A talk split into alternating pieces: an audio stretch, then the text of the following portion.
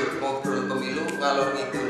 Yen ora ngalor yang ngidul. Ini memang sesuai amanah dari Undang-Undang Nomor 7 Tahun 2017 pelanggaran netralitas ASN dari seluruh jenis pelanggaran itu ada 63 register. Paling banyak itu adalah pelanggaran administratif.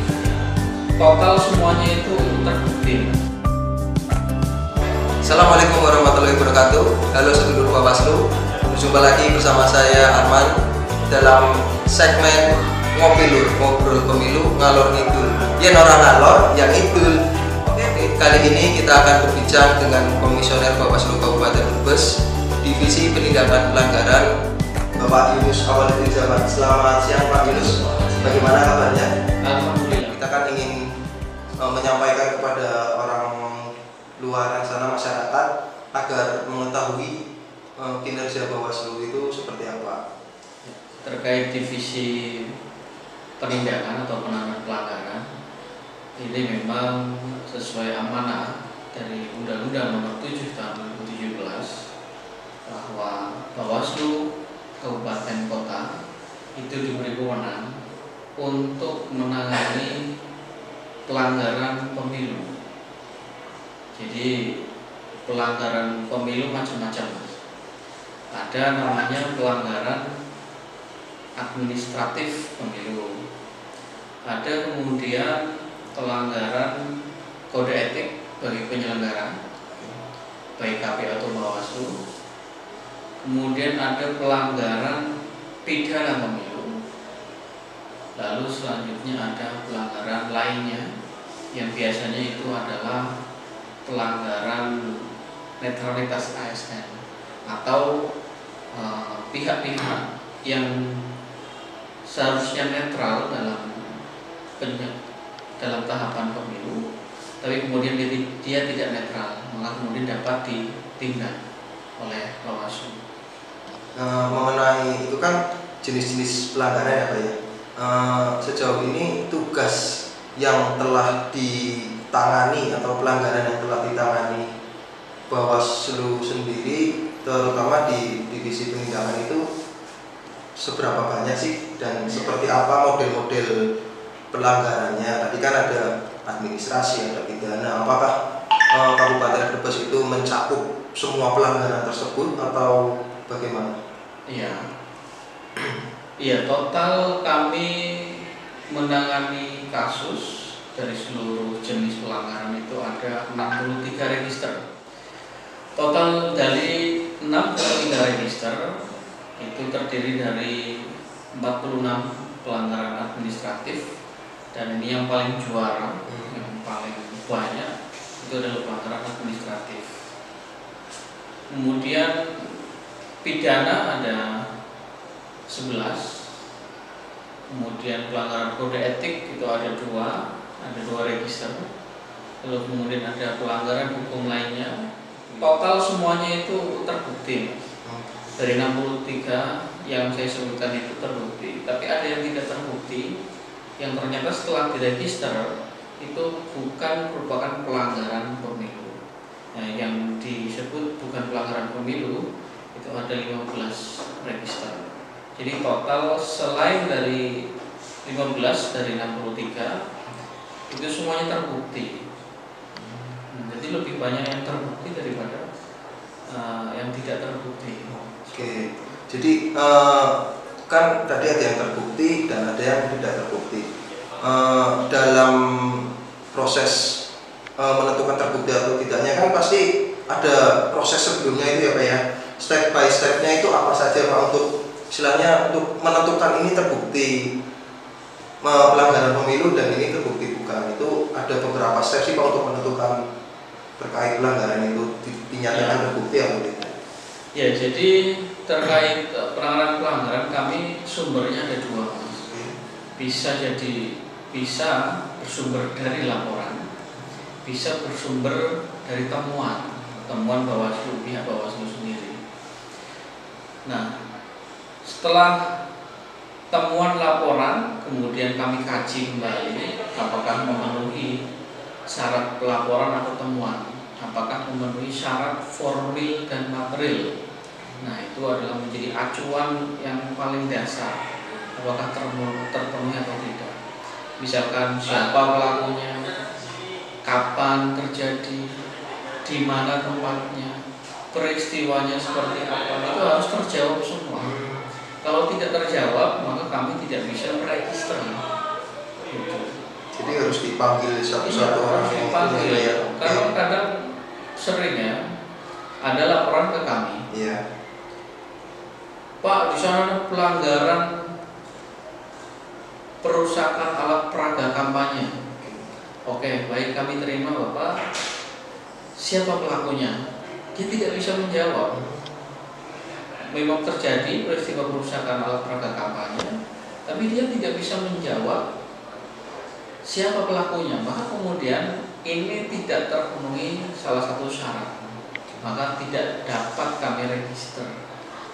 Jadi ini pelajaran penting untuk bagi masyarakat apabila menemukan pelanggaran maka harus diketahui yang paling penting siapa yang melakukan baru bisa kami tidak lanjuti kami register nah, setelah diregister nah, setelah diregister itu kemudian kami melakukan pemeriksaan lebih lanjut nah, pemeriksaannya dalam bentuk klarifikasi pemeriksaan saksi-saksi alat bukti dan pihak-pihak terkait yang berhubungan dengan kasus ini agar peristiwanya itu gamblang dan jelas.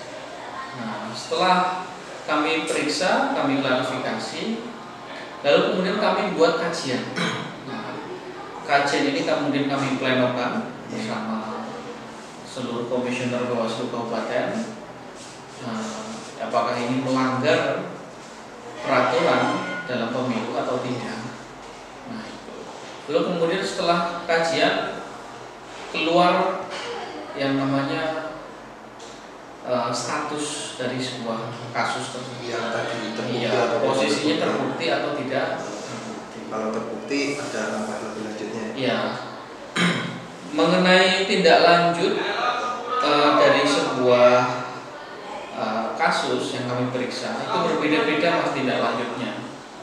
Misalkan kalau pidana tindak yang tindak lanjuti selanjutnya adalah kepolisian dan kejaksaan diserahkan ke kepolisian dan kejaksaan. Oh berarti nggak sendirian ya pak ya dalam menangani itu ya? Pak? Ya khusus dalam pidana kami tergabung dalam yang namanya sentra gakumdu, Sentra Gabungan. sentra penegakan hukum terpadu. Nah. Jadi tergabung itu sedulur eh, Bawaslu itu kerja dalam penindakan nggak sendirian ada kejaksaan sama kepolisian tadi namanya apa sentra Gakumdu ya sentra Gakumdu penegakan hukum terpadu dan eh, itu eh, penindakan itu istilahnya kan ada orang yang sudah bersalah atau istilahnya terbukti atau tidak ya Pak ya Eh, menurut Bapak itu efektif apa enggak sih Pak eh, penanganan itu dalam eh, pelanggaran pemilu itu penanganan yang dilakukan Bawaslu dan beserta jajaran Gakumdu tadi itu efektif apa enggak untuk eh, menangani Iya. hal tersebut? Ya, jadi kan kami melakukan yang namanya law enforcement, penegakan hukum. Ketika diduga melanggar kami periksa. Kalau terbukti, maka kemudian dia harus disidangkan di pengadilan. Kalau pidana pemilu ya. Kalau tidak terbukti, maka namanya harus direhabilitasi bahwa dia memang tidak bersalah ya. Seperti itu. Jadi terkait efektif atau tidak untuk menjerat mereka yang istilahnya melakukan pelanggaran ya tentu dengan 63 register tentu baik masyarakat peserta pemilu calon-calon itu cal- para caleg atau calon DPD tentu memahami bahwa Bawaslu ada dan siap menghukum yang bersalah. Kurang Nah, lebih eh, Eh, kan kemarin rame nih Pak eh, terkait setelah pasca pemilu itu rame di sidang MK gitu. Eh, dari 63 pelanggaran yang ditangani Bawaslu itu ada nggak sih Pak yang sampai tembus ke MK sana? Jadi itu wilayah lain mas. Kalau di Bawaslu itu terkait sengketa kalau MK. Tapi kalau di Bawaslu itu pelanggaran. Jadi MK hanya khusus terkait terkait uh, sengketa hasil. Jadi hanya fokus ketika uh, setelah dilakukan pencoblosan direkap kemudian ada hasil di situ. Nah kemudian sengketa antara peserta pemilu dengan KPU maka sengketanya sengketa hasil ini itu ada di MK. Jadi berbeda wilayah. Ketika di Bawaslu itu uh, di Bawaslu juga bisa menangani sengketa, tapi hanya sengketa proses saja, tapi bukan hasil. Mohon maaf ya Pak Yunus, ya. itu sepertinya kita redam dulu untuk untuk nanti episode kita berikutnya kita akan berbicara masalah sengketa pemilu ya. Jadi mohon maaf ya, ya Pak Yunus ya kita redam dulu, ya. biar episodenya panjang. Oke, Oke Pak Yunus. Tadi kan kita ngobrolin pra pemilu dan pada saat pemilu. Untuk pasca pemilu sendiri nih Pak Yunus. Uh, sekarang kan lagi banyak-banyaknya terkait desa desa-desa yang ingin dibentuk Bawaslu untuk kantong-kantong pengawasan kan ya. Nah, itu ada desa anti politik uang sama desa pengawasan. Lah, eh, bisa dijelaskan nggak sih Pak Yunus eh, program itu tuh seperti apa nantinya? Ya. Jadi perlu saya sampaikan latar belakangnya dulu mas ya. Jadi melihat pemilu kemarin ternyata uh, politik uang di wilayah Kabupaten Brebes masih marak, banyak yang membagi dan banyak juga yang menerima. Nah, itu sangat merusak pesta demokrasi sebetulnya, merusak martabat demokrasi. Tradisi uang nah, iya. Ya, makanya kemudian kami desa-desa untuk mengajak masyarakat membuka pikiran, membuka hati terkait bahaya dari namanya politik uang atau money politik. Makanya kemudian kami membangun, nah, membentuk desa-desa pengawasan untuk nanti masyarakatnya ditujukan agar menjadi pengawas pengawas partisipatif Lalu kemudian ada desa lagi yang lain, desa anti politik uang. Ya. Jadi masyarakatnya betul-betul sangat memahami bahwa politik uang itu membahayakan demokrasi, membahayakan rakyat, membahayakan menyengsarakan masyarakat itu. Itu bibit karena apa? Money politik itu adalah bibit dari korupsi politik. Iya, karena korupsi para pejabat-pejabat yang sekarang ini awalnya dari, situ. awalnya dari korupsi politik ini, okay. dari masyarakat pemilih yang mau menerima dan mau membagikan uang. Uh, kalau boleh tahu Pak, uh, desa mana saja sih yang jadi desa anti politik uang sama desa pengawasan itu yang di bawah naungan Pak Yunus Iya, sementara kami uh, menaungi atau membentuk tiga desa pengawasan dan tiga desa anti politik uang. Desa pengawasan itu ada di desa Cikandang, kecamatan Kersana. Lalu kemudian ada desa Purwoda di kecamatan Tonjong, itu pengawasan juga. Di kemudian di Bantarnawung ada desa Pangbatan, itu desa pengawasan. Kemudian desa anti politik uang itu ada di Salem, di Windu Asri, desa Windu Asri.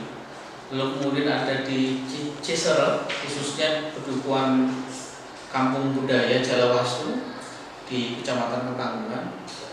Lalu kemudian ada di Cikesal Kidul eh, yang juga di Kecamatan Ketanggungan. Itu desa anti politik uang.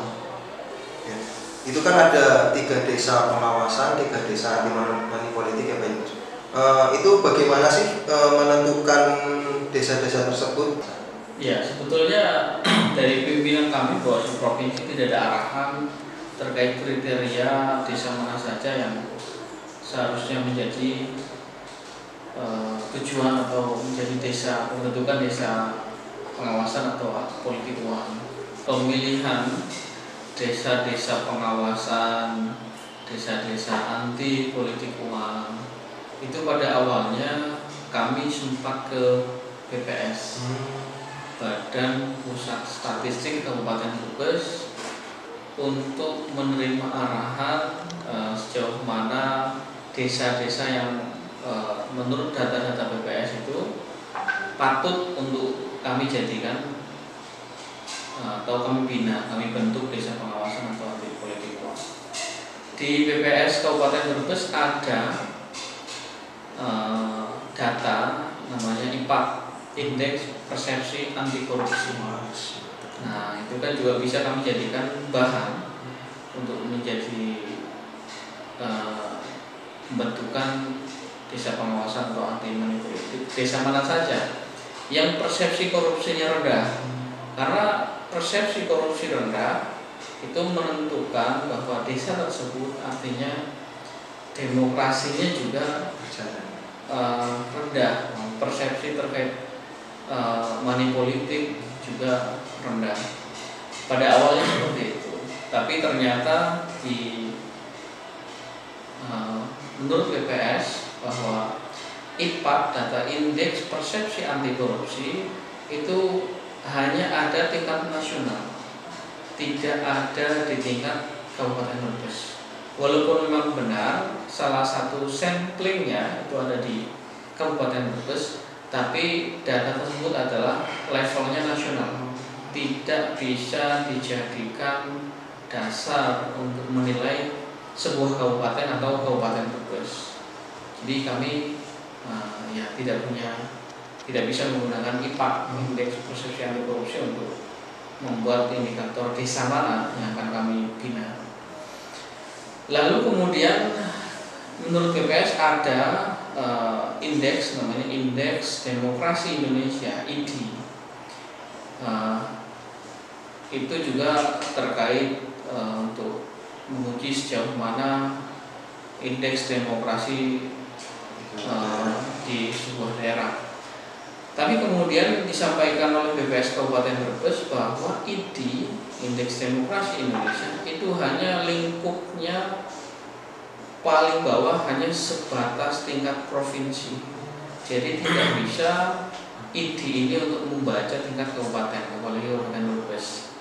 Maka kemudian kami tidak punya semacam apa kompas kami mau menuju pada akhirnya ya akhirnya tanpa indikator apa-apa ya kami juga ya hanya bertanya ke masyarakat ke apa eh, mendengar bahwa misalkan salah satu desa di Persana desa Cikandang itu ternyata ada desa ketika pilkades pemilihan kepala desa itu dipilih tanpa politik uang itu kan Mantap. menarik Mantap itu. kan Nah, kemudian kami perlu eh, datang ke sana asesmen dan ternyata pas cocok dengan eh, visi misi Bawaslu Kabupaten.